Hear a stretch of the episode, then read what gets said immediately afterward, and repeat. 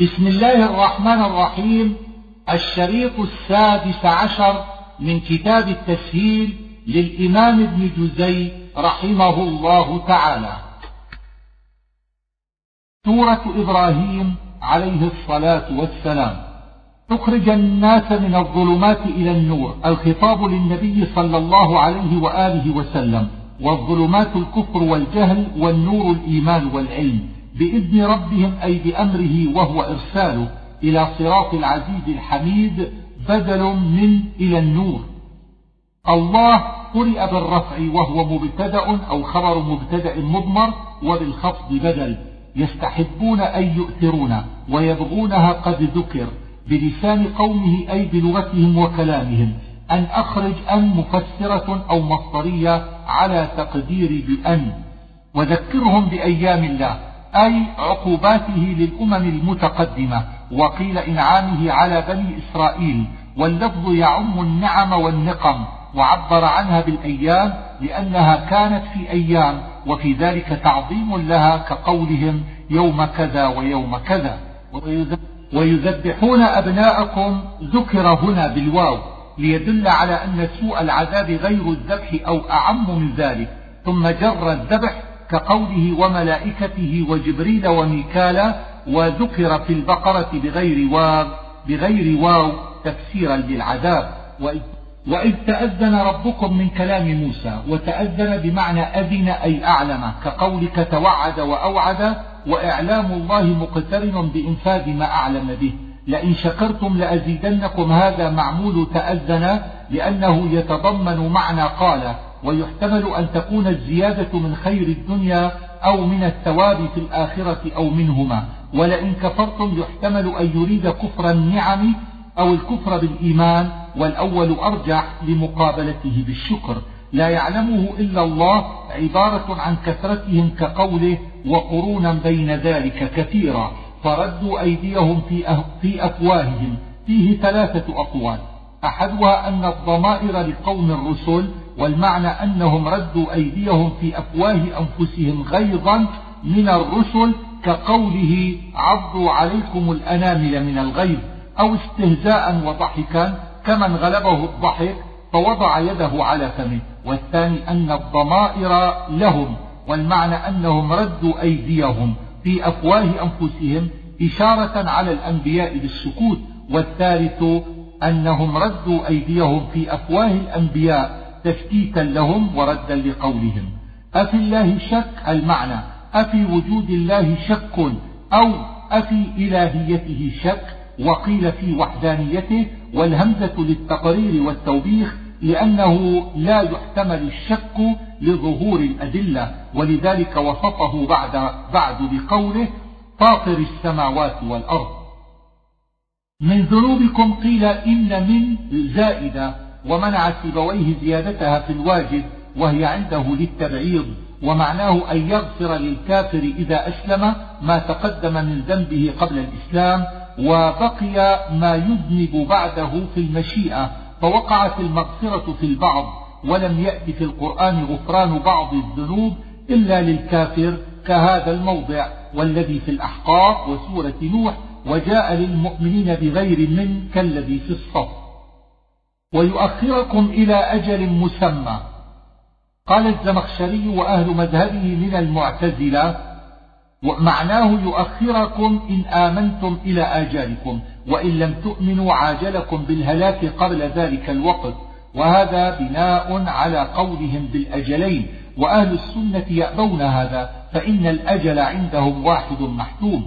قالوا إن أنتم إلا بشر مثلنا. يحتمل أن يكون قولهم استبعادا لتفضيل بعض البشر على بعض بالنبوة أو يكون إحالة لنبوة البشر والأول أظهر لطلبهم البرهان في قولهم فأتونا بسلطان مبين ولقول الرسل ولكن الله يمن على من يشاء من عباده أي بالتفضيل بالنبوة. وما لنا ألا نتوكل على الله. والمعنى أن أي شيء يمنعنا أو أي شيء يمنعنا من التوكل على الله وعلى الله فليتوكل المتوكلون. إن قيل لما كرر الأمر بالتوكل فالجواب عندي أن قوله وعلى الله فليتوكل المؤمنون راجع إلى ما تقدم من طلب الكفار بسلطان مبين أي حجة ظاهرة. فتوكل, فتوكل الرسل في ورودها على الله. وأما قوله فليتوكل المتوكلون فهو راجع إلى قولهم ولنصبرن على ما آذيتمونا. أي نتوكل على الله في دفع أذاكم؟ وقال الزمخشري إن هذا الثاني في معنى الثبوت على التوكل. أو لتعودن في ملتنا أو هنا بمعنى إلا أن أو على أصلها لوقوع أحد الشيئين والعود هنا بمعنى الصيرورة وهو كثير في كلام العرب ولا يقتضي أن الرسل كانوا في ملة الكفار قبل ذلك. خاف مقامي فيه ثلاثة أوجه هنا وفي ولمن خاف مقام ربه في الرحمن. فالأول أن معناه مقام الحساب في القيامة والثاني أن معناه قيام الله على عباده بأعمالهم. والثالث أن معناه خافني وخاف ربه على إقحام المقام أو على التعبير به عن الذات. واستفتحوا الضمير للرسل أي استنصروا بالله وأصله طلب النصر وهو الحكم. جبار أي قاهر أو متكبر.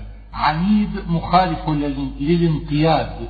من ورائه في الموضعين والوراء هنا بمعنى ما يستقبل من الزمان وقيل معناه هنا أمامه وهو بعيد ويسقى معطوف على محذوف تقديره من ورائه جهنم يلقى فيها ويسقى وإنما ذكر هذا السقي تجريدا بعد ذكر جهنم لأنه من أشد عذابها يتجرعه ولا يكاد يسيغه أي يتكلف جرعه وتصعب عليه إساغته ونفي كاد يقتضي وقوع الإساغة بعد جهد.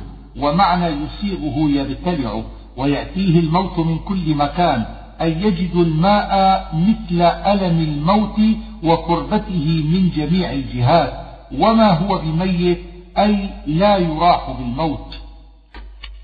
مثل الذين كفروا مذهب سيبويه والفراء فيه كقولهما في مثل الجنة التي في الرعد والقتال والخبر عند سيبويه محذوف تقديره فيما يتلى عليكم. والخبر عند الفراء الجملة التي بعده والمثل هنا بمعنى الشبيه. أعمالهم كرماد تشبيها بالرماد في ذهابها وتلاشيها في يوم عاصف أي شديد الريح والعصوف في, والعصوف في الحقيقة من صفة الريح. لا يقدرون مما كسبوا على شيء أي لا يرون له منفعة. وبرزوا لله أي ظهروا. ومعنى الظهور هنا خروجهم من القبور. وقيل معناه صاروا بالبراز وهي الأرض المتسعة. تبعا جمع تابع أو مصدر وصف به مبالغة أو على حذف مضاف. من عذاب الله من شيء من الأولى للبيان والثانية للتبعيض. ويجوز أن يكون للتبعيض معا قاله الزمخشري. والأظهر أن الأولى للبيان والثانية زائدة والمعنى هل أنتم دافعون أو متحملون عنا شيئا من عذاب الله؟ محيص أي مهرب حيث وقع ويحتمل أن يكون مصدرا أو اسم مكان. وقال الشيطان يعني إبليس الأقدم روي أنه يقوم خطيبا بهذا الكلام يوم القيامة أو في النار يقوله لأهلها. لما قضي الأمر إن كان, إن كان كلام إبليس في القيامة بمعنى قضي الأمر تعين قوم للنار وقوم للجنة وإن كان في النار فمعنى قضي الأمر حصل أهل النار في النار وأهل الجنة في الجنة. إلا, إلا أن دعوتكم استثناء منقطع. ما أنا بمصرخكم وما أنتم بمصرخي. أي ما أنا بمغيثكم وما أنتم بمغيثين لي. بما أشركتموني ما مصدرية أي بإشراككم لي مع الله في الطاعة. من قبل يتعلق بأشركتموني ويحتمل أن يتعلق بكفرتم والأول أظهر وأرجح. إن الظالمين استئناف من كلام الله تعالى ويحتمل أن يكون حكاية عن إبليس. بإذن ربهم يتعلق بأدخل أو بخالدين والأول أحسن. كلمة طيبة ابن عباس وغيره هي لا إله إلا الله وقيل كل حسنة. كشجرة طيبة هي النخلة في قول الجمهور واختار ابن عطية أنها شجرة غير معينة إلا أنها كل ما اتصف بتلك الصفات وفرعها في السماء أي في الهواء وذلك عبارة عن طولها تؤتي أكلها كل حين الحين في اللغة وقت غير محدود وقد تقترن به قرينة تحده وقيل في كل حين كل سنة لأن النخلة تطعم في كل سنة وقيل غير ذلك. ومثل كلمة خبيثة هي كلمة الكفر. وقيل كل كلمة قبيحة. كشجرة خبيثة هي الحنظلة عند الجمهور. واختار ابن عطية أنها غير معينة. اجتثت أي اقتلعت وحقيقة الاجتثاث أخذ الجثة. وهذا في مقابلة في مقابلة قوله أصلها ثابت. بالقول الثابت هو لا إله إلا الله والإقرار بالنبوة. في الحياة, في الحياة الدنيا أي إذا فتنوا لم يزلوا. وفي الآخرة هو عند السؤال في القبر عند الجمهور. بدلوا نعمة الله كفرا. نعمة الله هنا هو محمد صلى الله عليه وآله وسلم ودينه. أنعم الله به على قريش فكفروا النعمة ولم يقبلوها. والتقدير بدلوا شكر نعمة الله كفرا. وأحلوا قومهم أي من, أطاعهم واتبعهم. دار البوار فسرها بقوله جهنم. يقيم الصلاة وينفق هي جواب شر. فقد يتضمنه قوله قل. تقديره إن تقل لهم أقيموا يقيموا. ومعمول القول على هذا محذوف. وقيل جزم بإضمار لام الأمر تقديره ليقيموا. ولا خلال من الخلة وهي المودة. إن الإنسان يريد الجنس.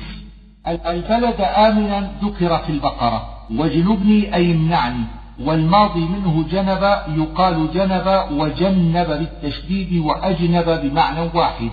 وبني يعني بني من صلبي وفيهم أجيبت دعوته. وأما أعقاب بنيه فعبدوا الأصنام. ومن عصاني يعني من عصاه بغير الكفر ثم تاب منه فهو الذي يصح أن يدعى له بالمغفرة. ولكنه ذكرا لللفظ بالعموم لما كان عليه السلام من الرحمة للخلق وحسن الخلق. أسكنت من ذريتي يعني ابنه إسماعيل عليه السلام لما ولدته أمه هاجر غارت منها سارة زوجة إبراهيم فحمله مع أمه من الشام إلى مكة بواد يعني مكة والوادي ما بين جبلين وإن لم يكن فيه ماء عند بيتك المحرم يعني الكعبة فإما أن يكون البيت أقدم من إبراهيم على ما جاء في بعض الروايات وإما أن يكون إبراهيم قد علم أنه سيبني هناك بيتا. ليقيم الصلاة اللام يحتمل أن تكون لام الأمر بمعنى الدعاء أو, لا أو لام كي وتتعلق بأسكنت. وجمع الضمير يدل على أنه قد كان علم أن لابنه يعقوب هناك نسلا. تهوي إليهم أي تسير بجد وإسراع. ولهذه الدعوة حبب الله حج البيت إلى الناس على أنه قال من الناس بالتبعيض. قال, قال بعضهم لو قال أفئدة الناس لحجته فارس والروم وارزقهم من الثمرات أي ارزقهم في ذلك الوادي مع أنه غير ذي زرع. وأجاب الله دعوته فجعل مكة يجبى إليها ثمرات كل شيء. وما يخفى على الله الآية يحتمل أن تكون من كلام الله تعالى أو حكاية عن إبراهيم. وهب لي على الكبر إسماعيل وإسحاق. روي أنه ولد له إسماعيل وهو ابن مئة وسبع عشرة عاما وروي أقل من هذا وإسماعيل أسن من إسحاق. ربنا وتقبل دعاء. إن أراد بالدعاء الطلب والرغبة فمعنى القبول الاستجابة. وإن أراد بالدعاء العبادة فالقبول على حقيقته. ربنا اغفر لي ولوالدي. قيل إنما دعا بالمغفرة لأبويه الكافرين بشرط إسلامهما والصحيح أنه دعا قبل أن يتبين له أن أباه عدو لله حسب ما ورد في براءة. ولا تحسبن الله غافلا. هذا وعيد للظالمين وهم الكفار على الأظهر.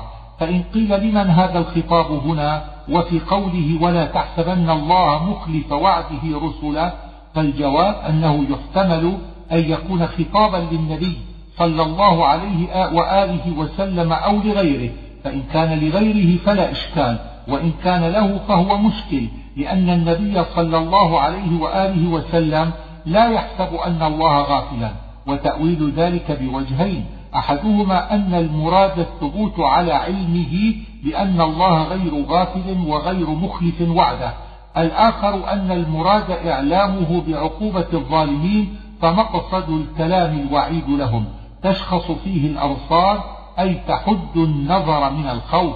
مهطعين قيل الإهطاع الإسراع وقيل شدة النظر من غير أن يطرف مقنعي رؤوسهم قيل الإقناع هو رفع الرأس وقيل خفضه من الذلة. لا يرتد إليهم طرفهم أي لا يطرفون أو لا يطرفون بعيونهم من الحذر والجزع. وأفئدتهم هواء أي منحرفة لا تعي شيئا من شدة الجزع فشبهها بالهواء في تعريفه من الأشياء ويحتمل أن يريد مضطربة في صدورهم يوم يأتيهم العذاب يعني يوم القيامة وانتصاب يوم على أنه مفعول ثان لأنذر ولا يجوز أن يكون ظرفا. أولم تكونوا تقديره يقال لهم أولم تكونوا الآية؟ ما لكم من زوال هو المقسم عليه. ومعنى من زوال أي من الأرض بعد الموت أي حلفتم أنكم لا تبعثون وعند الله مكرهم أي جزاء مكرهم وإن كان مكرهم لتزول منه الجبال إن هنا نافية واللام لام الجحود والجبال يراد بها الشرائع والنبوات شبهت بالجبال في ثبوتها والمعنى تحقير مكرهم لأنه لا تزول منه تلك الجبال الثابتة الراسخة. وقرأ الكسائي لا تزول بفتح اللام ورفع تزول وإن على هذا وإن على هذه القراءة مخففة من الثقيلة واللام للتأكيد والمعنى تعظيم مكرهم أي أن مكرهم من شدته تزول منه الجبال ولكن الله عصم ووقى منه. فلا تحسبن الله مخلف وعده رسله يعني وعد النصر على الكفار. فإن قيل هلا قال مخلف رسله وعده ولم قدم المفعول الثاني على الأول فالجواب أنه قدم الوعد ليعلم أنه لا يخلف الوعد أصلا على الإطلاق. ثم قال رسله ليعلم أنه إذا لم يخلف وعد أحد من الناس فكيف يخلف وعد رسله وخيرة خلقه؟ فقدم الوعد أولا بقصد الإطلاق ثم ذكر الرسل لقصد التخصيص. يوم تبدل الأرض غير الأرض العامل في الظرف ذو انتقام أو محذوف وتبديل الأرض بأن تكون يوم القيامة بيضاء عفراء كقرصة النقل. هكذا ورد في الحديث الصحيح. والسماوات تبديلها بانشقاقها وانتشار كواكبها وخسوف شمسها وقمرها وقيل تبدل أرضا من فضة وسماء من ذهب وهذا ضعيف. وترى المجرمين يعني الكفار مقرنين في الأصفاد أي مربوطين في الأغلال. سرابيلهم أي قمصهم والسربال القميص من قطران, من قطران متعلق بمحذوف أي جعل الله فيه ذلك وهو الذي تهنأ به الإبل وللنار فيه اشتعال شديد. فلذلك جعل الله قمص أهل النار منه. ليجزي يتعلق بمحذوف أي فعل الله ذلك ليجزي. هذا بلاغ إشارة إلى القرآن أو إلى ما تضمنته هذه السورة. ولينذروا معطوف على محذوف تقديره لينصحوا به ولينذروا. وليذكر أولو الألباب أي هذا الذكر لأولي العقول وهم أهل العلم رضي الله تعالى عنهم. سورة الحجر. تلك آيات كتاب وقرآن مبين يحتمل أن يريد بالكتاب الكتب المتقدمة وعطف القرآن عليها والظاهر أنه القرآن وعطفه عطف الصفات. ربما قرئ بالتخفيف والتشديد وهما لغتان وما حرف كاف كاف لرب ومعنى رب التقليد وقد تكون للتكثير وقيل إن هذه منه وقيل إنما عبر عن التكثير بأداة التقليل على وجه التهكم كقوله قد نرى تقلب وجهك في السماء وقد يعلم ما أنتم عليه. وقيل إنما إن معنى التقليل في هذه أنهم لو كانوا يودون الإسلام مرة واحدة لوجب أن يسارعوا إليه. فكيف وهم يودونه مرارا كثيرا ولا تدخل إلا على الماضي؟ يود الذين كفروا لو كانوا مسلمين. قيل إن ذلك عند الموت وقيل في القيامة وقيل إذا خرج عصاة المسلمين من النار وهذا هو الأرجح لحديث روي في ذلك. ذرهم وما بعده تهديد. كتاب معلوم أي وقت محدود. وقالوا يا أيها الذي نزل عليه الذكر إنك لمجنون. الضمير في قالوا لكفار قريش وقولهم نزل عليه الذكر يعنون على وجه الاستخفاف أي بزعمك ودعواك. لو ما تأتينا بالملائكة لو ما عرض وتحضيض والمعنى أنهم طلبوا من النبي صلى الله عليه وآله وسلم أن يأتيهم بالملائكة معه. ما ننزل الملائكة إلا بالحق رد عليهم فيما اقترحوا. والمعنى أن الملائكة لا تنزل إلا بالحق من الوحي والمصالح التي يريدها الله لا باقتراح مقترح واختيار كافر. وقيل الحق هنا العذاب. وما كانوا إذا منظرين. إذا حرف جواب وجزاء والمعنى لو أنزل الملائكة لم يؤخر عذاب هؤلاء الكفار الذين اقترحوا نزولهم لأن من عادة الله أن من اقترح آية فرآها ولم يؤمن أنه يعجل له العذاب. وقد علم الله أن هؤلاء القوم يؤمن كثير منهم ويؤمن أعقابهم فلم يفعل بهم ذلك. إنا نحن نزلنا الذكر وإنا له لحافظون. الذكر هنا هو القرآن. وفي قوله إنا نحن نزلنا الذكر ردا لإنكارهم واستخفافهم في قولهم يا أيها الذي نزل عليه الذكر ولذلك أكده بنحن واحتج عليه بحفظه. ومعنى حفظه حراسته عن التبديل والتغيير كما جرى في غيره من الكتب. فتولى الله حفظ القرآن فلم يقدر أحد على الزيادة فيه ولا النقصان منه ولا تبديله بخلاف غيره من الكتب.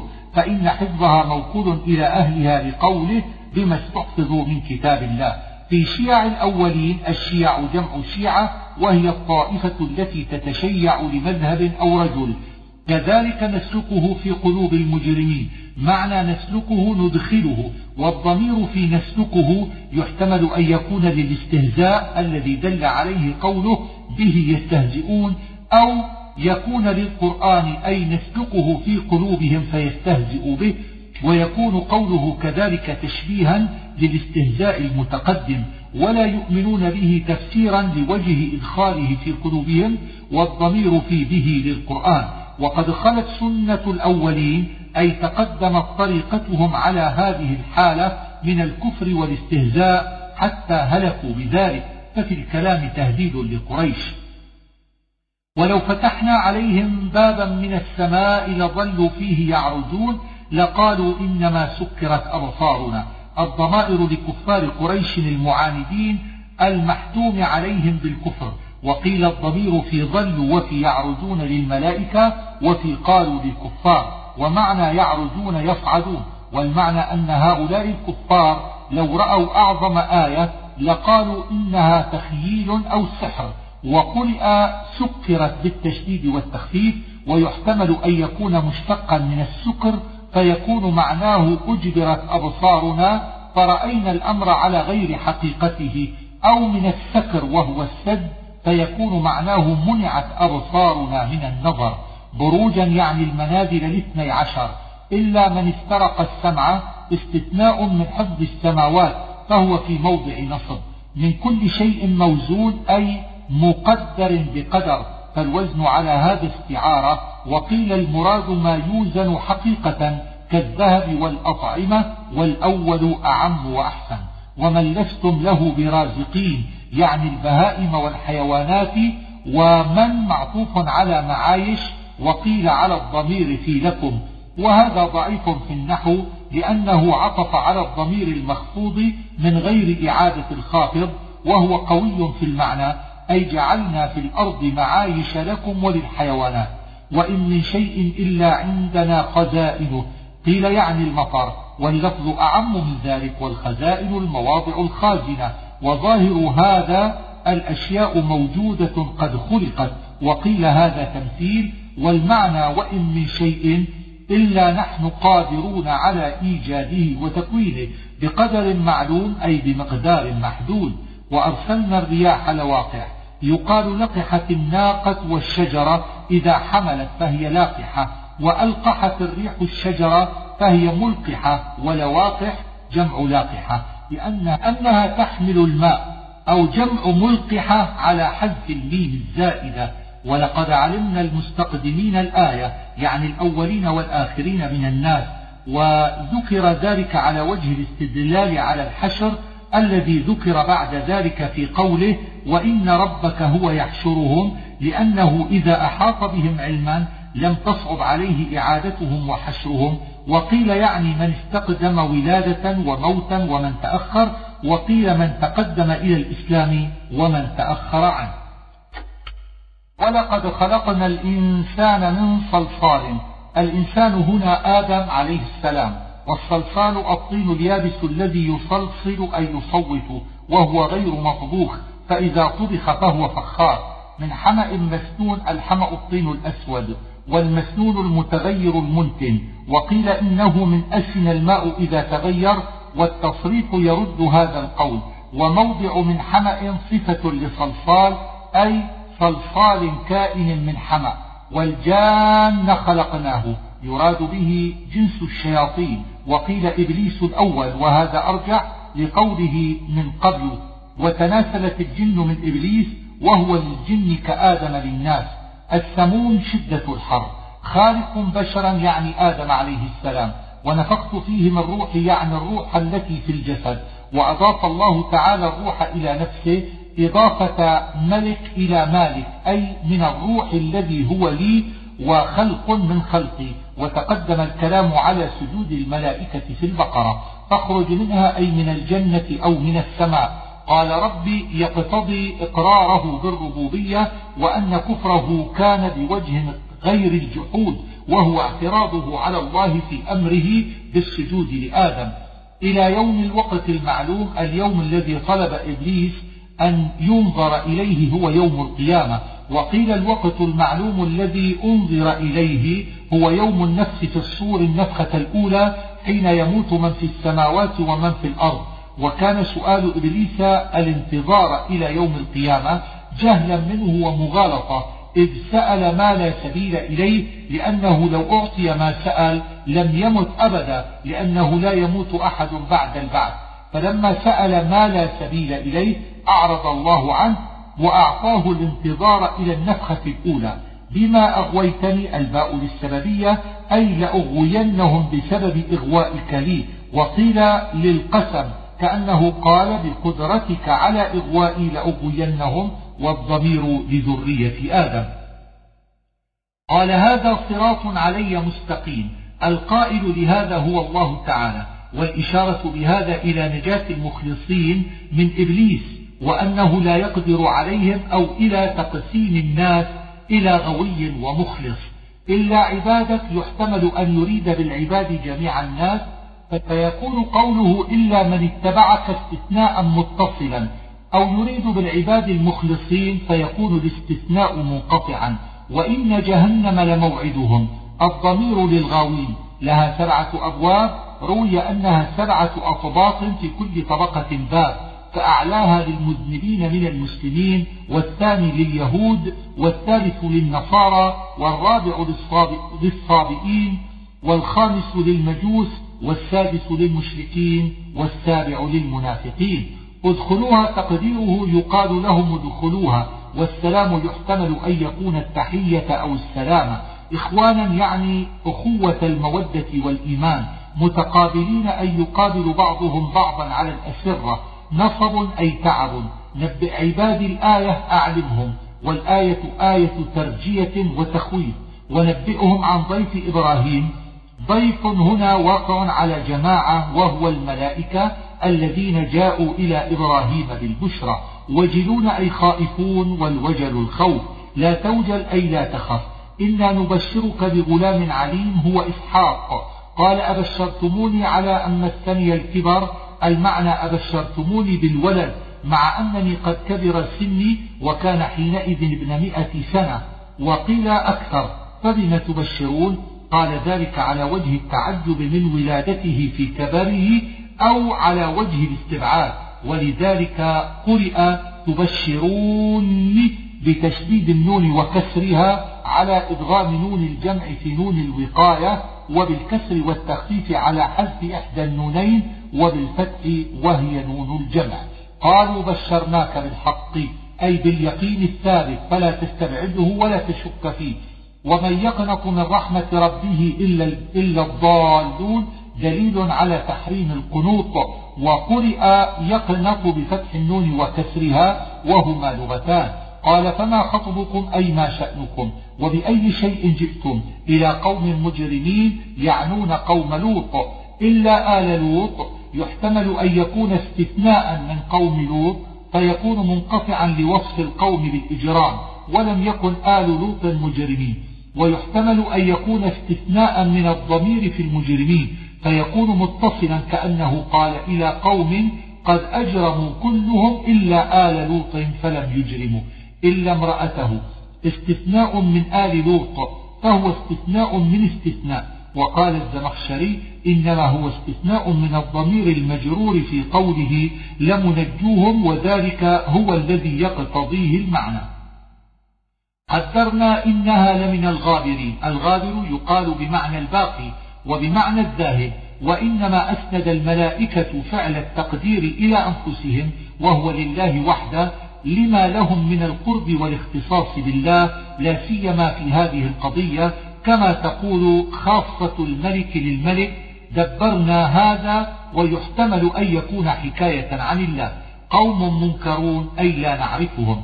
قالوا بل جئناك بما كانوا فيه يمترون أي جئناك بالعذاب لقومك ومعنى يمترون يشكون فيه واتبع أدبارهم أي كن خلفهم أي في ساقتهم حتى لا يبقى منهم أحد وليكونوا قدامه فلا يشتغل قلبه بهم لو كانوا وراءه لخوفه عليهم ولا يلتفت منكم أحد تقدم في هود وامضوا حيث تؤمرون قيل هي مصر وقيل حيث هنا للزمان إذا لم يذكر مكان وقضينا إليه ذلك الأمر هو من القضاء والقدر وإنما تعدى بإلى لأنه ضمن معنى أوحينا وقيل معناه أعلمناه بذلك الأمر.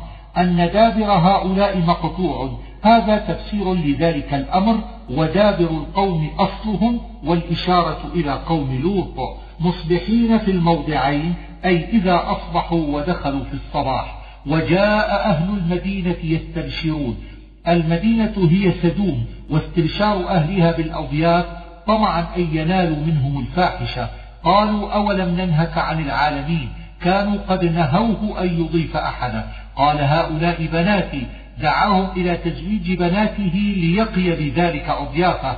لعمرك قسم والعمر الحياة. ففي ذلك كرامة للنبي صلى الله عليه وآله وسلم لأن الله أقسم بحياته أو قيل هو من قول الملائكة للوط وارتفاعه بالابتداء وخبره محذوف تقديره لعمرك قسمي واللام للتوطئة إنهم لفي سكرتهم يعمهون الضمير لقوم لوط وسكرتهم ضلالهم وجهلهم ويعمهون أي يتحيرون فأخذتهم الصيحة أي صيحة جبريل وهي أخذة لهم مشرقين أي داخلين في الشروق وهو وقت بزوغ الشمس وقد تقدم تفسير ما بعد هذا من قصتهم في هود. للمتوسمين أي للمتفرسين ومنه فراسة المؤمن ومنه فراسة المؤمن وقيل للمعتبرين وحقيقة التوسم النظر إلى السيمة وإنها لبسبيل مقيم أي بطريق ثابت يراه الناس والضمير, لل والضمير للمدينة المهلكة. وإن كان أصحاب الأيكة لظالمين أصحاب الأيكة قوم شعيب. والأيكة الغيضة من الشجر لما كفروا أضرمها الله عليهم نارا. وإنهما لبإمام مبين. الضمير في إنهما قيل إنه لمدينة قوم لوط وقوم شعيب. فالإمام على هذا الطريق أي إنهما بطريق واضح يراه الناس وقيل الضمير للوط وشعيب أي إنهما على طريق من الشرع واضح والأول أظهر. أصحاب الحجر هم ثمود قوم صالح والحجر واديهم وهو بين المدينة والشام. المرسلين ذكره بالجمع وإنما كذبوا واحدا منهم وفي ذلك تأويلان. أحدهما أن من كذب واحدا من الأنبياء لزمه تكذيب الجميع لأنهم جاءوا بأمر متفق من التوحيد بأمر متفق من التوحيد والثاني أنه أراد الجنس كقولك فلان يركب الخيل وإن لم يركب إلا فرسا واحدا وآتيناهم آياتنا يعني الناقة وما كان فيها من العجائب. وكانوا ينحتون من الجبال بيوتا النحت النقر بالمعاويل وشبهها في الحجر والعود. وكانوا ينقرون بيوتهم في الجبال. آمنين يعني آمنين من تهدم بيوتهم لوثاقتها وقيل آمنين من عذاب الله. إلا بالحق يعني أنها لم تخلق عبثا. فاصفح الصفح الجميل. قيل إن الصفح الجميل هو الذي ليس معه عقاب ولا عتاب. وفي الآية مهادنة للكفار منسوخة بالسيف. ولقد آتيناك سبعا من المثاني.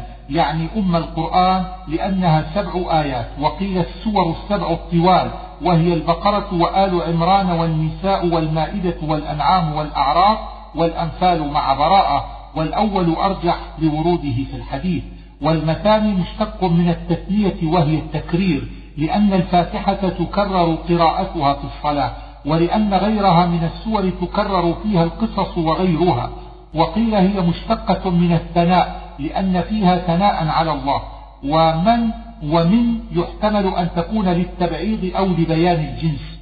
وعطف القرآن على السبع المثاني لأنه يعني ما سواها من القرآن فهو عموم بعد الخصوص. لا تمدن عينيك. أي لا تنظر إلى ما متعناهم به من الدنيا كأنه يقول قد آتيناك السبع المثاني والقرآن العظيم فلا تنظر إلى الدنيا فإن الذي أعطيناك أعظم منها. أزواجا منهم يعني أصنافا من الكفار ولا تحزن عليهم أي لا تتأسف لكفرهم واخفض جناحك أي تواضع ولن للمؤمنين والجناح هنا الاستعارة. كما أنزلنا على المقتسمين الكاف من كما متعلقة بقوله أنا النذير أي أنذر قريشا عذابا مثل العذاب الذي أنزل على المقتسمين. وقيل متعلق بقوله ولقد آتيناك أي أنزلنا عليك كتابا كما أنزلنا على المقتسمين. واختلف في المقتسمين. فقيل هم أهل الكتاب الذين آمنوا ببعض كتابهم وكفروا ببعضه واقتسموا إلى قسمين. وقيل هم قريش اقتسموا أبواب مكة في المواسم في الموسم فوقف كل واحد منهم على باب. يقول أحدهم هو شاعر ويقول الآخر هو ساحر وغير ذلك. الذين جعلوا القرآن عضين أي أجزاء وقالوا فيه أقوالا مختلفة وواحد عضين عضة وقيل هو من العضة وهو السحر والعاضه الساحر والمعنى على هذا أنه سحر والكلمة محذوفة اللام ولامها على القول الأول واو وعلى الثاني هاء. فوربك لنسألنهم أجمعين. إن قيل كيف يجمع بين هذا وبين قوله فيومئذ لا يسأل عن ذنبه إنس ولا جان فالجواب أن السؤال المثبت هو على وجه الحساب والتوبيخ وأن السؤال المنفي هو على وجه الاستفهام المحض لأن الله يعلم الأعمال فلا يحتاج إلى السؤال عنها. فاصدع بما تؤمر أي صرح به وأنفذه. إنا كفيناك المستهزئين يعني قوما من أهل مكة أهلكهم الله بأنواع الهلاك من غير سعي النبي صلى الله عليه وآله وسلم وكانوا خمسة الوليد بن المغيرة والعاص بن وائل والأسود بن عبد المطلب والأسود بن عبد يغوث وعدي بن قيس. وقصة هلاكهم مذكورة في السير. وقيل الذين قتلوا ببدر كأبي جهل وعتبة بن ربيعة وشيبة بن ربيعة وأمية بن خلف وعقبة بن أبي معيط وغيرهم والأول أرجح لأن الله كفاه إياهم بمكة قبل الهجرة. ولقد نعلم أنك يضيق صدرك بما يقولون. تسلية للنبي صلى الله عليه وآله وسلم وتأنيس حتى يأتيك اليقين أي الموت. سورة النحل. أتى أمر الله قيل يعني القيامة وقيل النصر على الكفار وقيل عذاب الكافر في الدنيا ووضع الماضي موضع المستقبل لتحقيق وقوع الأمر ولقربه وروي أنها لما نزلت وتب رسول الله صلى الله عليه وآله وسلم قائما فلما قال فلا تستعجلوه سكن. ينزل الملائكة بالروح أي بالنبوة وقيل بالوحي. خلق الإنسان من نطفة أي من نطفة المني والمراد جنس الإنسان. فإذا هو خصيم مبين فيه وجهان. أحدهما أن معناه متكلم يخاصم عن نفسه والثاني يخاصم في ربه ودينه وهذا في الكفار والأول أعم. لكم فيها دفء أي ما يتدفأ به يعني ما يتخذ من جلود الأنعام وأصوافها من الثياب. ويحتمل أن يكون قوله لكم متعلقا بما قبله أو بما بعده ويختلف الوقوف باختلاف ذلك. ومنافع يعني شرب ألبانها والحرث بها وغير ذلك. ومنها تأكلون. يحتمل أن يريد بالمنافع ما عدا الأكل فيكون الأكل أمرا زائدا عليها. أو يريد بالمنافع الأكل وغيره ثم جرد ذكر الأكل لأنه أعظم المنافع. ولكم فيها جمال حين تريحون وحين تسرحون. الجمال حسن المظهر وحين تريحون يعني حين تردونها بالعشي إلى المنازل وحين تسرحون حين تردونها بالغداة إلى الرعي. وإنما قدم تريحون على تسرحون لأن جمال الأنعام بالعشي أكثر لأنها ترجع وبطونها ملأى وضروعها حافلة.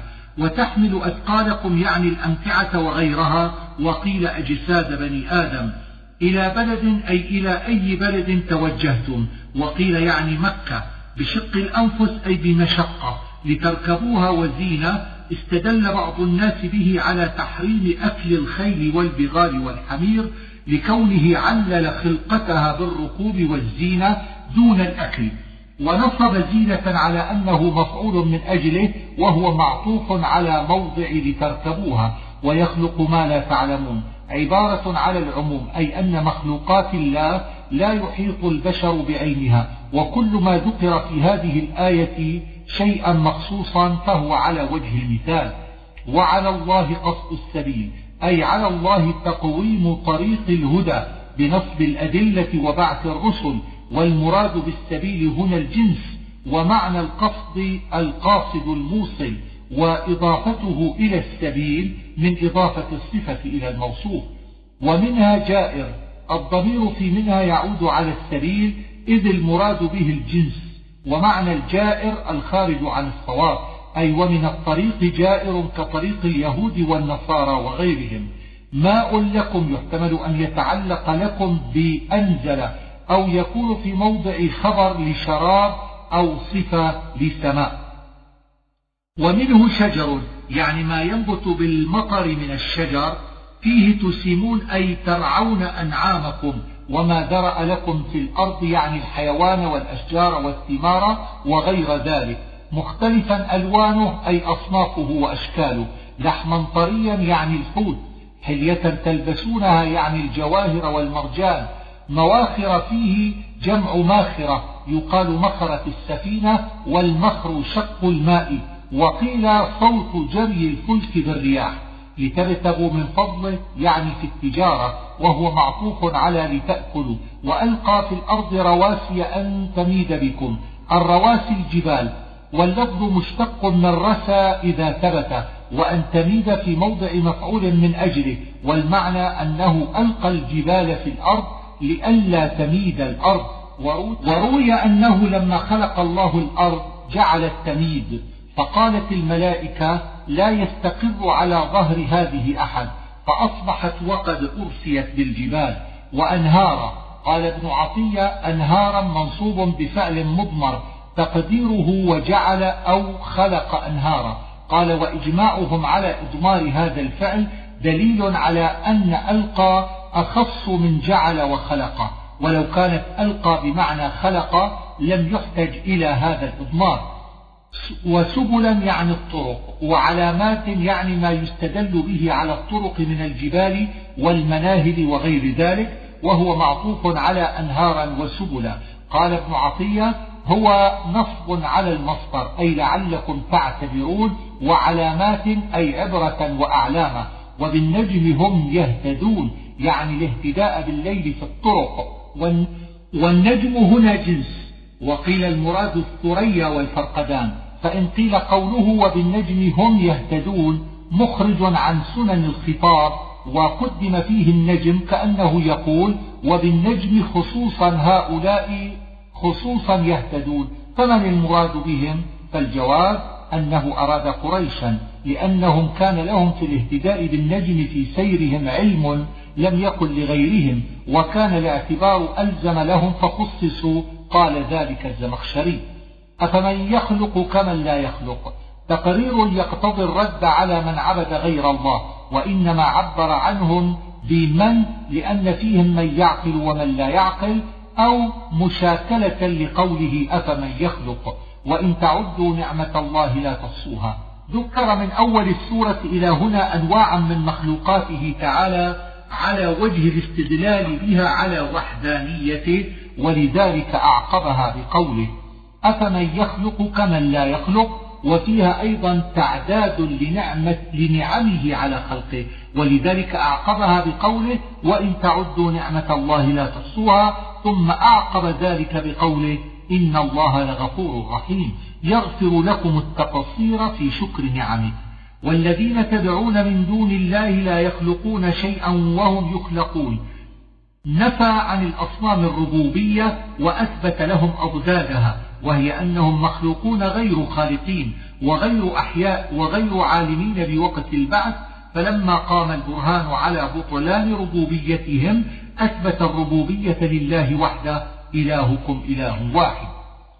أموات غير أحياء أي لم تكن لهم حياة قط ولا تكون وذلك أغرق في موتها ممن تقدمت له حياة ثم مات ثم يعقب, ثم يعقب موته حياة. وما يشعرون أيان يبعثون الضمير في يشعرون للأصنام وفي يبعثون للكفار الذين عبدوهم وقيل الضميران للكفار. قلوبهم منكرة أي تنكر وحدانية الله عز وجل. لا جرم أي لا بد ولا شك. وقيل وقيل إن لا نفي لما تقدم وجرم معناه وجب أو حق وأن فاعلة لجرم. أساطير الأولين أي ما سطره الأولون. وكان النضر بن الحارث قد اتخذ كتاب تواريخ وكان يقول إنما يحدث محمد بأساطير الأولين وحديثي أجمل من حديثه. وماذا يجوز أن يكون اسما واحدا مركبا من ما وذا؟ ويكون منصوبا بأنزل أو أن تكون ما استفهامية؟ في موضع رفع بالابتداء وذا بمعنى الذي وفي أنزل ضمير محذوف. ليحملوا أوزارهم اللام لام العاقبة والصيرورة أي قالوا أساطير الأولين فأوجب ذلك أن حملوا أوزارهم وأوزار غيرهم ويحتمل أن تكون للأمر. بغير علم حال من المفعول في يضلونهم أو من الفاعل فأتى الله بنيانهم من القواعد الآية قيل المراد بالذين من قبلهم نمرود فإنه بنى صرحا ليصعد فيه إلى السماء بزعمه فلما علا فيه فرسخين هدمه الله وخر سقفه عليه. وقيل المراد بالذين من قبلهم كل من كفر من الأمم المتقدمة ونزلت به عقوبة الله فالبنيان والسقف والقواعد على هذا تمثيل. ويقول أين شركائي؟ توبيخ للمشركين وأضاف الشركاء إلى نفسه أي على زعمكم ودعواكم وفيه تهكم بهم. الذين كنتم تشاقون فيهم أي تعادون من أجلهم فمن قرأ بكسر النون فالمفعول ضمير المتكلم وهو الله عز وجل. ومن قرأ بفتحها فالمفعول محذوف تقديره تعادون المؤمنين من أجلهم. قال الذين أوتوا العلم هم الأنبياء والعلماء من كل أمة وقيل يعني الملائكة واللفظ أعم من ذلك. ظالمي أنفسهم حال من الضمير المفعول في تتوفاهم. فألقوا السلم أي استسلموا للموت. ما كنا نعمل من سوء أي قالوا ذلك ويحتمل قولهم لذلك أن يكونوا قصدوا الكذب اعتصاما به. كقولهم والله ربنا ما كنا مشركين أو يكونوا أخبروا على حسب اعتقادهم في أنفسهم فلم يقصدوا الكذب ولكنه كذب في نفس الأمر. بلى من قول الملائكة للكفار أي قد كنتم تعملون السوء. وقيل للذين اتقوا ماذا أنزل ربكم؟ قالوا خيرا. لما وصف مقالة الكفار الذين قالوا أساطير الأولين قابل ذلك بمقالة المؤمنين. فإن قيل لما نصب جواب المؤمنين وهو قولهم خيرا ورفع جواب الكافرين وهو أساطير الأولين فالجواب أن قولهم خيرا منصوب بفعل مضمر تقديره أنزل خيرا ففي ذلك اعتراف بأن الله أنزله. وأما أساطير الأولين فهو خبر ابتداء مضمر تقديره هو أساطير الأولين فلم يعترفوا بأن الله أنزله فلا وجه لنصبه. ولو كان منصوبا لكان الكلام متناقضا لأن قولهم أساطير الأولين يقتضي التكذب بأن الله أنزله.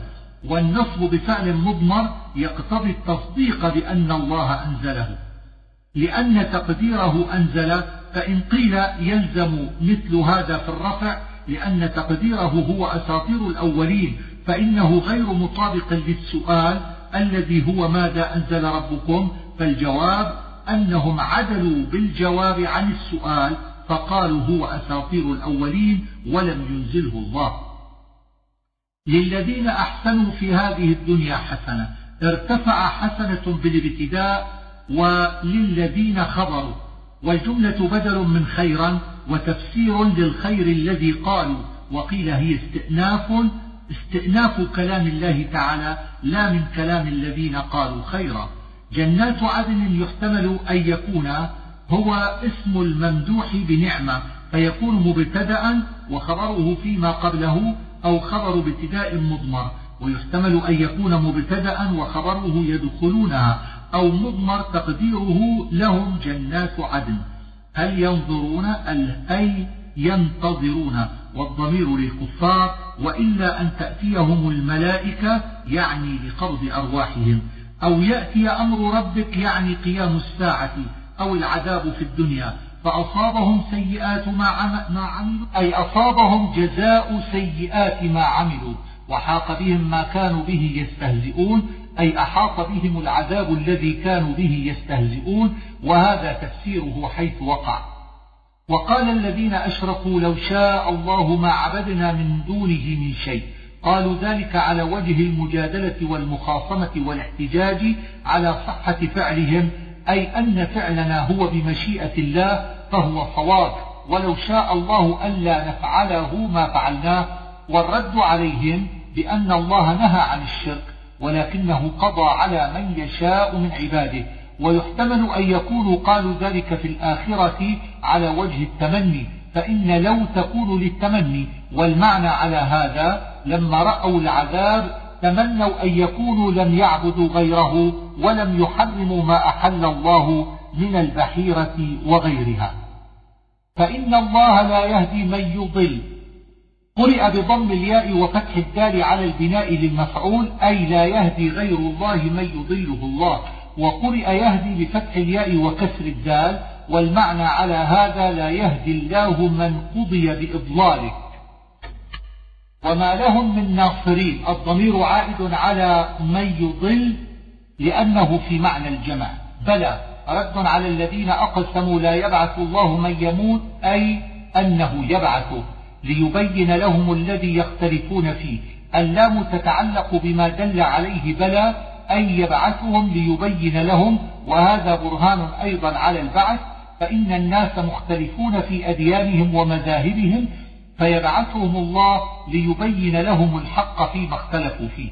إنما قولنا لشيء الآية. برهان أيضا على البعث لأنه داخل تحت قدرة الله تعالى. والذين هاجروا في الله يعني الذين هاجروا من مكة إلى أرض الحبشة لأن الهجرة إلى المدينة كانت بعدها. وقيل نزلت في أبي جندل بن سهيل وخبره مذكور في السير في قصة الحديبية. وهذا بعيد لأن السورة نزلت قبل ذلك. لنبوئنهم في الدنيا حسنة. وعد أن ينزلهم بقعة حسنة وهي المدينة التي استقروا بها. وقيل إن حسنة صفة لمصدر أي نبوئنهم تبوئة حسنة. وقرئ لنثوبنهم بالتاء من الثواب. الذين صبروا وصف للذين هاجروا ويحتمل إعرابه أن يكون نعتا أو على تقدير هم الذين أو مدح الذين. إلا رجالا. رد على من استبعد أن يكون الرسول من البشر. فاسألوا أهل الذكر يعني أحبار اليهود والنصارى أي لأن جميعهم يشهدون أن الرسول من البشر. بالبينات والزبر يتعلق بأرسلنا الذي في أول الآية على التقديم والتأخير في الكلام أو بأرسلنا مضمرا وبيوحي أو بتعلمون. وأنزلنا إليك الذكر يعني القرآن لتبين للناس ما نزل إليهم. يحتمل أن يريد لتبين القرآن بسردك وتعليمه للناس أو لتبين معانيه بتفسير مشكله فيدخل في هذا ما بينته السنة من الشريعة. أفأمن الذين مكروا السيئات؟ يعني كفار قريش عند جمهور المفسرين. والسيئات تحتمل وجهين. أحدهما أن يريد به الأعمال السيئات أي المعاصي فيكون مكروا يتضمن معنى عملوا والآخر أن يريد المنكرات السيئات مكرهم بالنبي صلى الله عليه وسلم فيكون المكر على بابه. أو يأخذهم في تقلبهم يعني في أسفارهم فما هم بمعجزين أي بمفلتين حيث وقع. أو يأخذهم على تخوف فيه وجهان. أحدهما أن معناه على تنقص أي ينتقص أموالهم وأنفسهم شيئا بعد شيء حتى يهلكوا من غير أن يهلكهم جملة واحدة. ولهذا أشار بقوله فإن ربكم لرؤوف رحيم لأن الأخذ هكذا أخف من غيره.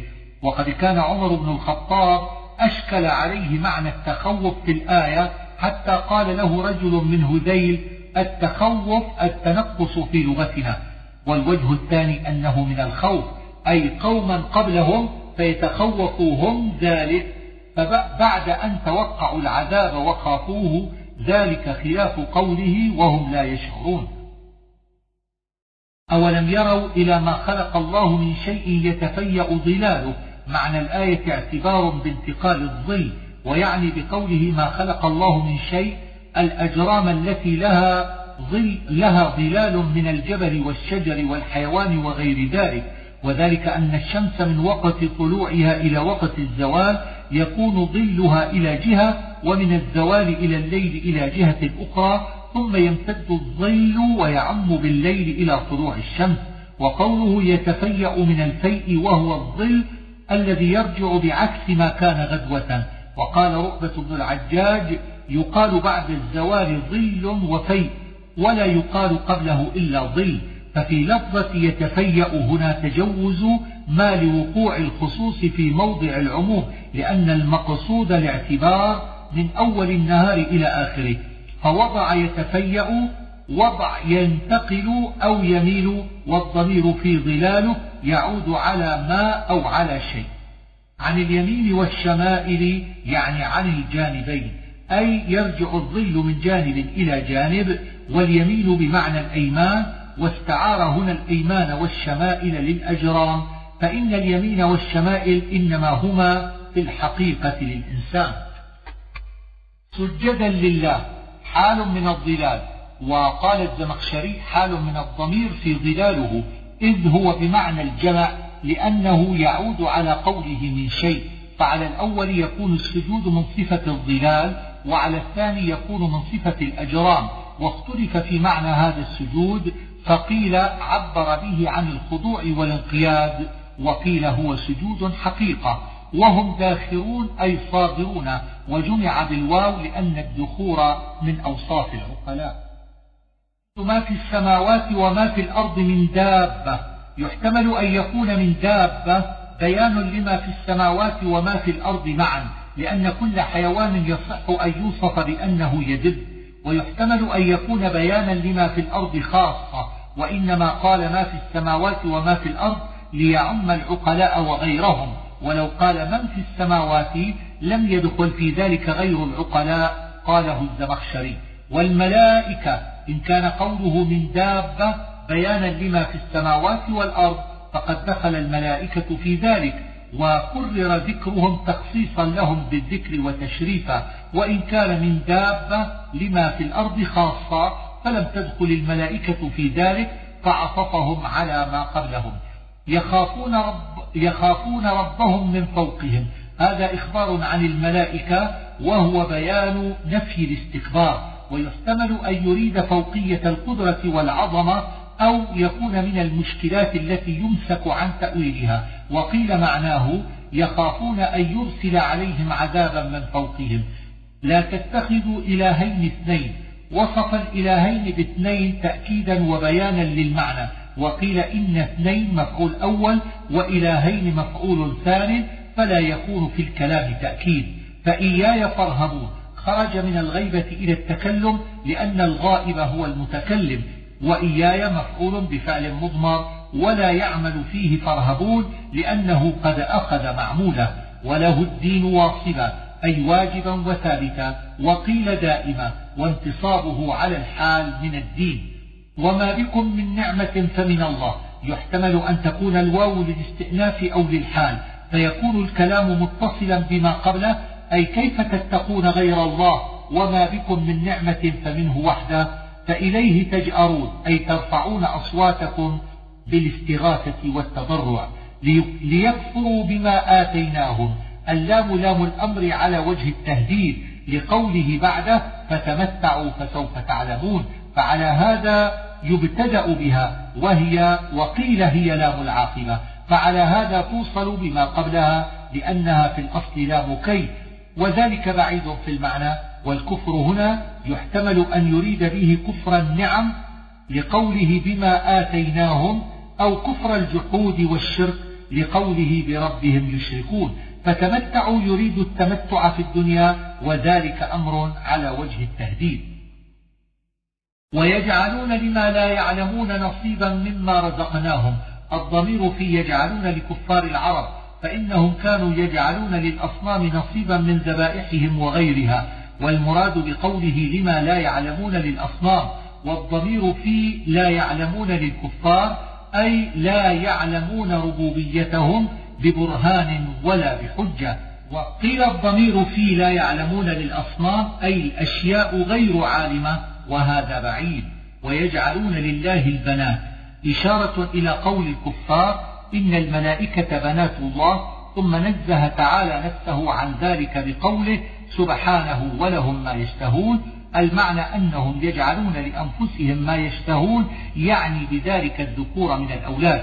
وأما الإعراب فيجوز أن يكون ما يشتهون مبتدأ وخبره المجرور قبله وأن يكون مفعولا بفعل مضمر تقديره ويجعلون لأنفسهم ما يشتهون. وأن يكون معطوفا على البنات على أن هذا يمنعه البصريون لأنه من باب ضربت لي وكان يلزم عندهم أن يقال لأنفسهم. وإذا بشر أحدهم بالأنثى ظل وجهه مسودا وهو كظيم. إخبار عن حال العرب في كراهتهم البنات وظل هنا يحتمل أن تكون على بابها أو بمعنى صار. والسواد عبارة عن العبوس والغم وقد يكون معه سواد حقيقة وكظيم قد ذكر في يوسف. يتوارى من القوم أي يستخفي من أجل سوء ما بشر به أيمسكه على هون أم يدسه في التراب؟ المعنى يدبر وينظر هل يمسك الأنثى التي بشر بها على هوان وذل لها أو يدفنها في التراب حية وهي الموؤودة وهذا معنى يدسه في التراب؟ مثل السوء أي صفة السوء من الحاجة إلى الأولاد وغير ذلك من صفة الافتقار والنقص. ولله المثل الأعلى أي الوصف الأعلى من الغنى عن كل شيء والنزاهة عن صفات المخلوقين. ولو يؤاخذ يعني لو يعاقبهم في الدنيا بظلمهم أي بكفرهم ومعاصيهم ما ترك عليها الضمير للأرض من دابة يعم بني آدم وغيرهم وهذا يقتضي أن تهلك الحيوانات بذنوب بني آدم. وقد ورد ذلك في الأثر وقيل يعني, يعني بني آدم خاصة. ويجعلون لله ما يكرهون يعني البنات. أن لهم, أن لهم الحسنى أن بدل من الكذب والحسنى هنا قيل هي الجنة وقيل ذكور الأولاد. وأنهم مفرطون بكسر الراء والتخفيف من الإفراط أي متجاوزون الحد في المعاصي أو بفتح الراء والتخفيف من الفرط أي معجلون إلى النار وبكسر الراء والتشديد من التفريط فهو وليهم اليوم. يحتمل أن يريد باليوم وقت نزول الآية أو يوم القيامة.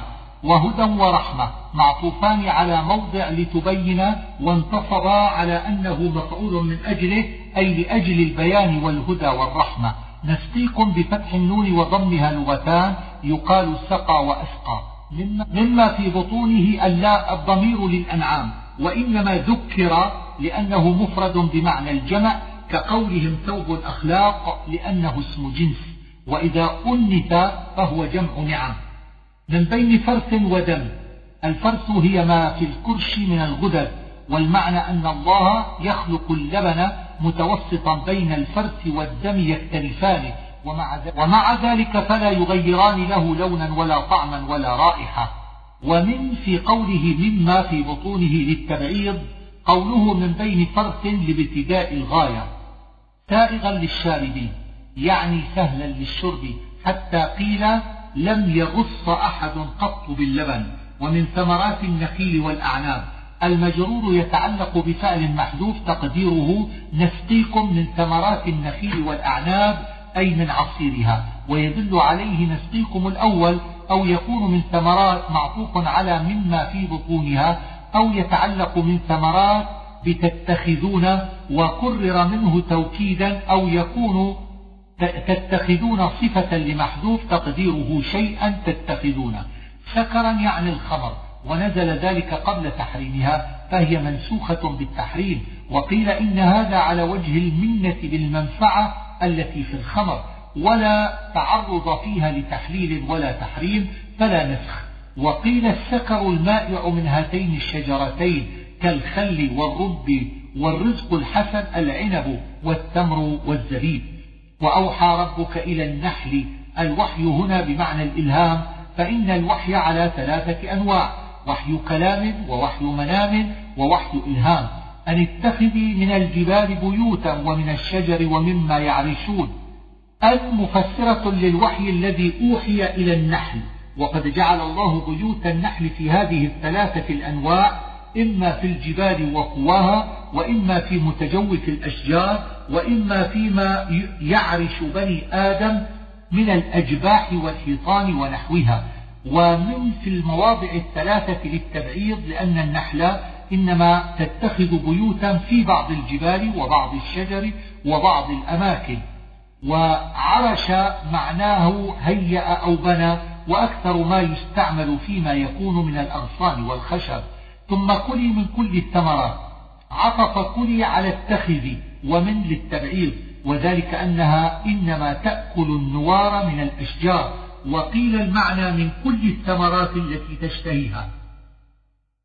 فاسلكي سبل ربك يعني الطرق في الطيران وأضافها إلى الرب لأنها ملكه وخلقه. ذللا أي مطيعة منقادة. ويحتمل أن يكون حالا من السبل. قال مجاهد لم يتعرض قط على النحل طريق أو حالا من النحل أي منقادة لما أمرها الله به. يخرج من بطونها شراب يعني العسل مختلفا ألوانه أي منه أبيض وأصفر وأحمر. فيه شفاء للناس الضمير للعسل لأن أكثر الأدوية مستعملة من العسل كالمعاجين والأشربة النافعة من الأمراض. وكان ابن عمر يتداوى به من كل شيء فكأنه أخذه على العموم. وعلى ذلك الحديث عن النبي صلى الله عليه وآله وسلم أن رجلا جاء إليه فقال إن أخي يشتكي بطنه فقال اسقيه عسلا فذهب ثم رجع. فقال قد سقيته فما نفع. قال فاذهب فاسقيه عسلا. فقد صدق الله وكذب بطن أخيك فسقاه فشفاه الله عز وجل. إلى أرذل العمر أي إلى أخسه وأحقره وهو الهرم. وقيل حده خمسة وسبعون عاما. وقيل ثمانون. والصحيح أنه لا يحصر إلى مدة معينة وأنه يختلف بحسب الناس. لكي لا يعلم بعد علم شيئا. اللام لام الصيرورة أي يصير إذا هرم لا يعلم شيئا بعد أن كان يعلم قبل الهرم. وليس المراد نفي العلم بالكلية بل ذلك عبارة عن قلة العلم لغلبة النسيان. وقيل المعنى لئلا يعلم زيادة على علمه شيئا. والله فضل بعضكم على بعض في الرزق. الآية في معناها قولان. أحدهما أنها احتجاج على الوحدانية كأنه يقول أنتم لا تسوون بين أنفسكم وبين مماليككم في الرزق ولا تجعلونهم شركاء لكم. فكيف تجعلون عبيدي شركاء لي؟ والآخر أنها عتاب وذم لمن لا يحسن إلى مملوكه حتى يرد ما رزقه الله عليه. كما جاء في الحديث أطعموهم مما تأكلون واكسوهم مما تلبسون. والأول أرجح. أفبنعمة الله يجحدون؟ الجحد هنا على المعنى الأول إشارة إلى الإشراك بالله وعبادة غيره وعلى المعنى الثاني إشارة إلى جنس المماليك فيما يجب لهم من الإنفاق. والله جعل لكم من أنفسكم أزواجا يعني الزوجات ومن أنفسكم يحتمل أن يريد من نوعكم وعلى خلقتكم أو يريد أن حواء خلقت من ضيع آدم وأسند ذلك إلى بني آدم لأنهم من ذريته وحفدة جمع حافد قال ابن عباس هم أولاد البنين وقيل الأصهار وقيل الخدم وقيل, وقيل البنات إلا أن لفظ المذكور لا يدل عليهم والحفدة في اللغة الخدمة ويعبدون من دون الله الآية توبيخ للكفار ورد عليهم في عبادتهم للأصنام وهي لا تملك لهم رزقا. وانتصب رزقا لأنه مفعول بيملك ويحتمل أن يكون مصدرا أو اسما لما يرزق. فإن كان مصدرا فإعراب شيئا مفعول به لأن المصدر ينصب المفعول وإن كان اسما فإعراب شيئا بدل منه. ولا يستطيعون الضمير عائد على ما لأن المراد بها الإلهي المراد به الإلهية ونفي الاستطاعة بعد نفي الملك لأن نفيها أبلغ في الذنب ضرب الله مثلا عبدا مملوكا. الآية مثل لله تعالى وللأصنام. فالأصنام كالعبد المملوك الذي لا يقدر على شيء. والله تعالى له الملك وبيده الرزق ويتصرف فيه كيف يشاء. فكيف يسوى بينه وبين الأصنام؟ وإنما قال لا يقدر على شيء لأن بعض العبيد يقدرون على بعض الأمور كالمكاتب والمأذون له. ومن رزقناه من هنا نكرة موصوفة والمراد بها من هو حر قادر كأنه قال وحرا رزقناه ليطابق عبدا ويحتمل أن تكون موصولة. هل يستوون أي هل يستوي العبيد والأحرار الذين ضرب لهم المثل؟ الحمد لله شكرا لله. على بيان هذا المثال ووضوح الحق بل أكثرهم لا يعلمون يعني الكفار. وضرب الله مثل الرجلين أحدهما أبكم الآية. مثل لله تعالى وللأصنام كالذي قبله والمقصود منهما إبطال مذاهب المشركين وإثبات الوحدانية لله تعالى. وقيل إن الرجل الأبكم أبو جهل والذي يأمر بالعدل عمار بن ياسر والأظهر عدم التعيين وهو كل على مولاه. الكل الثقيل يعني أنه عيال على وليه أو سيده وهو مثل للأصنام والذي يأمر بالعدل هو الله تعالى. وما أمر الساعة إلا كلمح البصر أو هو أقرب. بيان لقدرة الله على إقامتها وأن ذلك يسير عليه كقوله ما خلقكم ولا بعثكم إلا كنفس واحدة وقيل المراد سرعة إتيانها. والله أخرجكم من بطون أمهاتكم. الأمهات جمع أم زيدت فيه الهاء فرقا بين من يعقل ومن لا يعقل وقرئ بضم الهمزة وبكسرها إتباعا للكسرة قبلها. في جو السماء أي في الهواء البعيد من الأرض. والله, والله جعل لكم من بيوتكم سكنا السكن مصدر يوصف به وقيل هو فعل بمعنى مفعول ومعناه ما يسكن فيه كالبيوت أو يسكن إليه. وجعل لكم من جلود الأنعام بيوتا يعني الأدمى من القباب وغيرها تستخفونها أي تجدونها خفيفة يوم ضعنكم ويوم إقامتكم يعني في السفر والحضر واليوم هنا بمعنى الوقت ويقال ضعن الرجل إذا رحل وقرئ ضعنك ضعنكم بفتح العين وإسكانها تخفيفا ومن أصوافها وأوبارها وأشعارها الأصواف للغنم. والأوبار للإبل والأشعار للمعز والبقر. أثاثا الأثاث متاع البيت من الأسط وغيرها وانتصابه على أنه مفعول بفعل مضمر تقديره جعل. ومتاعا إلى حين أي إلى وقت معين ويحتمل أن يريد إلى أن تبلى وتفنى أو إلى أن تموت. والله جعل لكم مما خلق ظلالا أي نعمة عددها الله عليهم بالظل لأن الظل مطلوب في بلادهم محبوب لشدة حرها ويعني بما خلق من الشجر وغيرها وجعل لكم من الجبال أكنانا الأكنان جمع كن وهو ما يقي من المطر والريح وغير ذلك ويعني بذلك الغيران والبيوت المنحوتة في الجبال. وجعل لكم سرابيل تقيكم الحر. السرابيل هي الثياب من القمص وغيرها. وذكر وقاية الحر ولم يذكر وقاية البرد لأن وقاية الحر أهم عندهم لحرارة بلادهم وقيل لأن ذكر أحدهما يغني عن ذكر الآخر وسرابيل تقيكم بأسكم يعني دروع الحديد. يعرفون نعمة الله إشارة إلى ما ذكر من النعم من أول السورة إلى هنا والضمير في يعرفون للكفار وإنكارهم لنعم الله إشراكهم به وعبادة, وعبادة غيره وقيل نعمة الله هنا نبوة محمد صلى الله عليه وسلم. ويوم نبعث من كل أمة شهيدا أن يشهد عليهم بإيمانهم وكفرهم.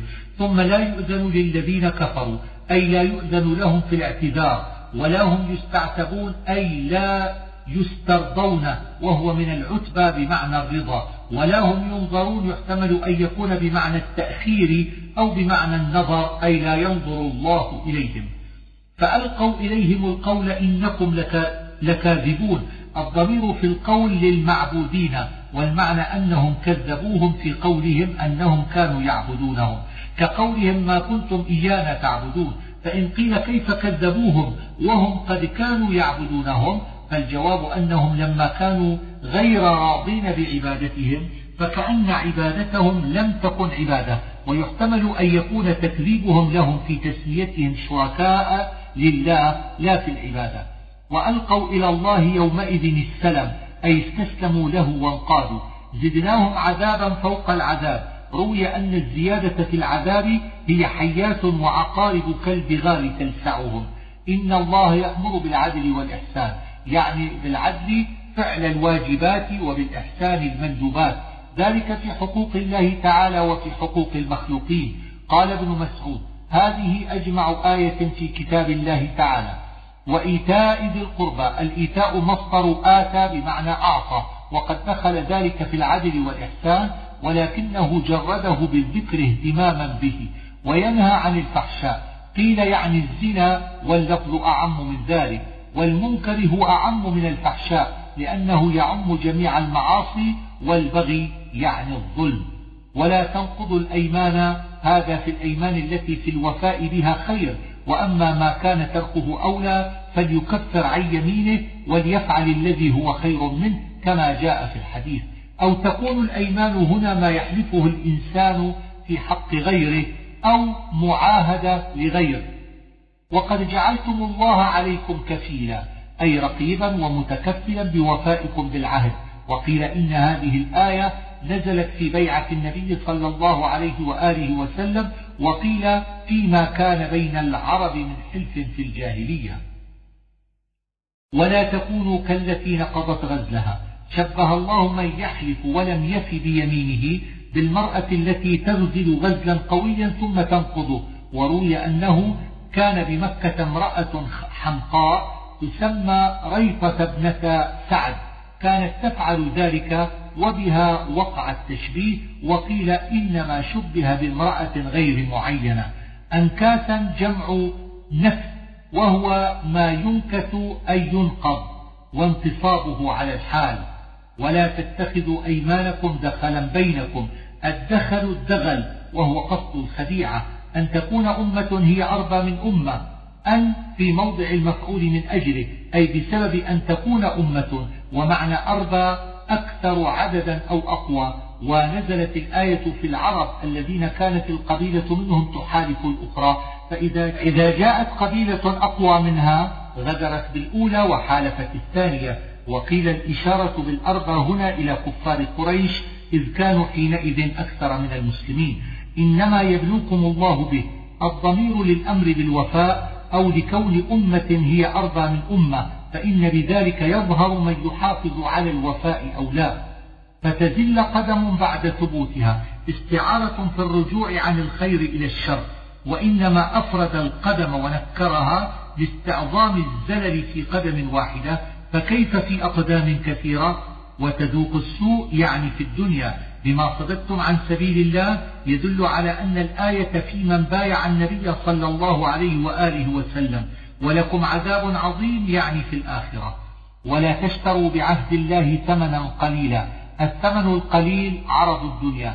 وهذا نهي لمن بايعه صلى الله عليه وآله وسلم أن ينكث لأجل ضعف الإسلام حينئذ وقوة الكفار ورجاء الانتفاع في الدنيا بالرجع عن, عن البيعة.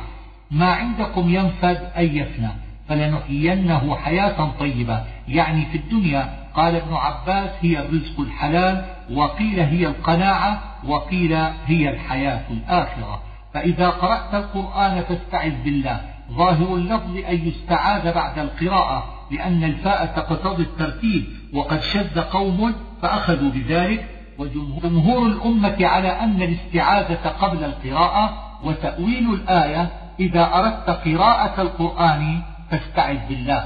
إنه ليس له سلطان على الذين آمنوا أي ليس له عليهم سبيل ولا يقدر على إضلالهم. إنما سلطانه على الذين يتولون أي يتخذونه وليا. والذين هم به مشركون الضمير لإبليس والباء سببية. وإذا بدلنا آية مكان آية. التبديل هنا النسخ. كان الكفار إذا نسخت آية يقولون هذا افتراء. ولو كان من عند الله لم يبدل. والله أعلم بما ينزل جملة اعتراض بين الشرط وجوابه وفيها رد على الكفار أي الله أعلم بما يصلح للعباد في وقت ثم ما يصلح لهم بعد ذلك. قل نزله روح القدس يعني جبريل بالحق أي مع الحق في أوامره ونواهيه وأخباره. ويحتمل أن يكون قوله بالحق بمعنى حقا أو بمعنى أنه واجب النزول. أنهم يقولون إنما يعلمه بشر. كان بمكة غلام أعجمي اسمه يعيش وقيل, وقيل كان غلامين اسم أحدهما جبر والآخر يسار. فكان النبي صلى الله عليه وآله وسلم يجلس إليهما ويدعوهما إلى الإسلام. فقالت قريش هذان يعلمان محمدا. لسان الذي يلحدون إليه أعجمي. اللسان هنا بمعنى اللغة والكلام. ويلحدون من ألحد إذا مال وقرئ بفتح الياء من لحد وهما بمعنى واحد وهذا رد عليهم فإن الشخص الذي أشاروا إليه أنه يعلمه أعجمي اللسان وهذا القرآن عربي في غاية الفصاحة فلا يمكن أن يأتي به أعجمي. إن الذين لا يؤمنون بآيات الله لا يهديهم الله. هذا في حق من علم الله منه أنه لا يؤمن كقوله إن الذين حقت عليهم كلمة ربك لا يؤمنون فاللفظ عام يراد به الخصوص كقوله إن الذين كفروا سواء عليهم أأنذرتهم؟ الآية. وقال ابن عطية المعنى إن الذين لا يهديهم الله لا يؤمنون بالله ولكنه قدم في هذا الترتيب وأخر تهكما بتقديح أفعالهم. إنما يفتري الكذب الذين لا يؤمنون بآيات الله. رد على قولهم إنما أنت مفتري. يعني إنما يليق الكذب بمن لا يؤمن لأنه لا يخاف الله. وأما من يؤمن بالله فلا يكذب عليه. فأولئك هم الكاذبون. الإشارة لا يؤمنون بالله. أي هم الذين عادتهم الكذب لأنهم لا يبالون بالوقوع في المعاصي ويحتمل أن يكون الكذب المنسوب إليهم قولهم إنما أنت مفتر. من كفر بالله الآية من شرطية في موضع رفع بالابتداء وكذلك من في قوله من شرح لأنه تخصيص من الأول وقوله فعليهم غضب جواب عن الأولى والثانية لأنهما بمعنى واحد أو يكون جوابا للثانية وجواب الأولى محذوف يدل عليه جواب الثانية. وقيل من كفر بدل من الذين لا يؤمنون أو من المبتدأ في قوله أولئك هم الكاذبون أو من الخبر. إلا من أكره. استثنى من قوله من كفر. وذلك أن قوما ارتدوا عن الإسلام فنزلت فيهم الآية وكان فيهم من أكره على الكفر فنطق بكلمة الكفر وهو يعتقد الإيمان. منهم عمار بن ياسر وصهيب وبلال فعذرهم الله. روي أن عمار بن ياسر شكى إلى رسول الله صلى الله عليه وآله وسلم ما صنع به من العذاب وما تسامح به من القول. فقال له رسول الله صلى الله عليه وآله وسلم كيف تجد قلبك؟ قال أجده مطمئنا بالإيمان. قال فأجدهم بلسانك فإنه لا يضرك. وهذا الحكم في من أكره بالنطق على الكفر. وأما الإكراه على فعل هو كفر كالسجود للصنم فاختلف هل تجوز الإجابة إليه أم لا. فأجازه الجمهور ومنعه قوم وكذلك قال مالك لا يلزم المكره يمين ولا طلاق ولا عتق ولا شيء فيما بينه وبين الله ويلزمه ما كان من حقوق الناس ولا تجوز الإجابة إليه كالإكراه على قتل أحد أو أخذ ماله. ذلك بأنه مستحب الحياة الدنيا الإشارة إلى العذاب والباء للتعليل فعلل عذابهم بعلتين أحداهما إيثارهم الحياة الدنيا والأخرى أن الله لا يهديهم. ثم إن, ثم إن ربك للذين هاجروا من بعد ما فتنوا قرأه الجمهور فتنوا بضم الفاء أي عذبوا. فالآية على هذا في عمار وشبهه من المعذبين على الإسلام. وقرأ, وقرأ ابن عامر بفتح الفاء أي عذاب المسلمين. فالآية على هذا في من عذب المسلمين ثم هاجر وجاهد كالحضرمي وأشباهه. إن ربك من بعدها لغفور رحيم. كرر إن ربك توكيدا والضمير في بعدها يعود على الأفعال المذكورة وهي الهجرة والجهاد والصبر. يوم تأتي يحتمل أن يتعلق بغفور رحيم أو بمحذوف تقديره أذكر وهذا أظهر. كل نفس النفس هنا بمعنى الجملة كقولك إنسان والنفس في قوله عن نفسها بمعنى الذات المعينة التي نقيضها الغير أي تجادل عن ذاتها لا عن غيرها. كقولك جاء زيد نفسه وعينه تجادل عن نفسها أي تحتج وتعتذر. فإن قيل كيف الجمع بين هذا وبين قوله هذا يوم لا ينطقون ولا يؤذن لهم فيعتذرون؟ فالجواب أن الحال مختلف باختلاف المواطن والأشخاص. وضرب الله مثلا قرية كانت آمنة مطمئنة. الآية قيل إن القرية المذكورة مكة. كانت بهذه الصفة التي ذكرها الله فكفرت بأنعم الله يعني بنبوة محمد صلى الله عليه وآله وسلم فأصابهم الجذب والخوف من غزو النبي صلى الله عليه وآله وسلم.